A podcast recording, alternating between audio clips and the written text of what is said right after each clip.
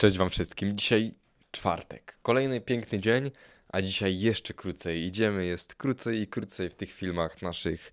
To, to, to wcale nie dlatego, że, że nie mam pomysłu i nie chce mi się dłużej gadać, tylko, e, tylko po prostu dbam o Was i nie chcę, żebyście tam stracili za dużo czasu na, na słuchanie. Nie, no a tak serio to po prostu zapraszam do oglądania.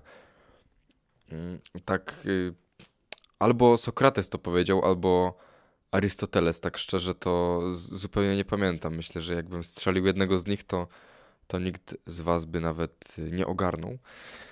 Ale tak szczerze to, to, to nie wiem. No ale mm, przejdźmy do rzeczy. Chodzi o to, że któryś z nich powiedział kiedyś, żeby istotą czasem takiego ludzkiego zadowolenia się z rzeczywistości jest zachwyt nad taką zwyczajnością życia. To znaczy, aby odnaleźć takie naprawdę zachwyt, aby zachwycić się tym życiem dookoła nas, zachwycić się, jak funkcjonuje umysł człowieka, zachwycić się, jak funkcjonuje jego ciało.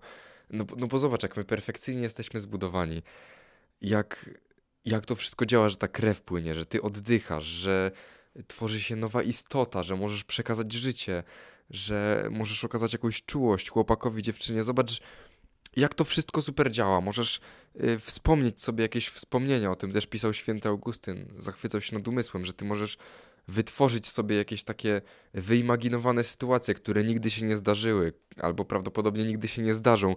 I ty możesz w swoim mózgu, w swoim rozumie tak wielkie i niesamowite rzeczy zrobić. Mm, tak samo twoje ciało jest tak niesamowicie zbudowane i, i oni właśnie mówili ci filozofowie o tym, żeby idąc w świat w taki zwykły dzień, zachwycić się nad, y, nad takimi rzeczami zwykłymi, naprawdę.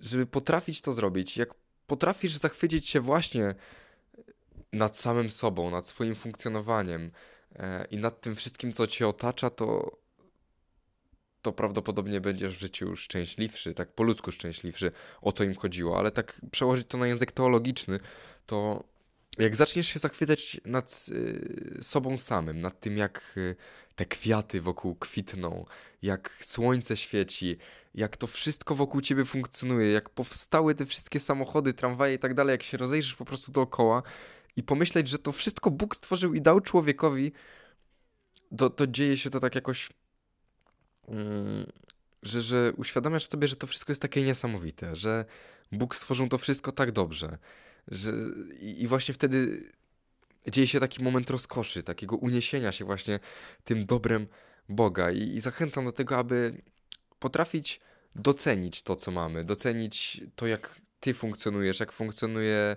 y, twój bliski i tak dalej i żeby po prostu umieć się tym zachwycić. Po prostu ćwiczmy to, bo, bo to jest naprawdę ważne i zachwycajmy się, cieszmy się tym, jak pięknie wszystko to Bóg stworzył. Ja wiem, że dzisiaj bez żadnego jakiegoś super morału, bez żadnej jakiejś nauki, ale taka myśl mi wpadła i tak zdecydowałem, że, że muszę się tym podzielić z, z wami, a, a zadanie na dziś zazwyczaj było w ogóle związane z tematem, który omawiamy danego dnia, ale no, no nie, dzisiaj, y, dzisiaj zadanie takie, żeby znaleźć y, swojego patrona.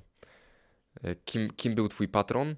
Mm, Co znaczy twoje imię? Bo każde imię ma jakieś znaczenie. Nie wiem, czy, czy wiecie, na przykład jak byłem u Dominikanów, y, jeden dzień spędziłem na nowicjacie, to, to akurat imieniny miał Błażej. I oni tam czytali, co znaczy Błażej. I tak w sumie śmiesznie, bo Błażej oznaczał gadatliwego i oni tak śmiesznie i tak chcieli to przekazać temu ojcu, któremu składali jakby życzenia i mówiąc e, jakieś takie autorskie życzenia z jego imieniem związane, próbowali mu przekazać e, jakoś w pozytywnym słowa znaczeniu gadatliwy i tak jakoś to fajnie przekształcili, pamiętam.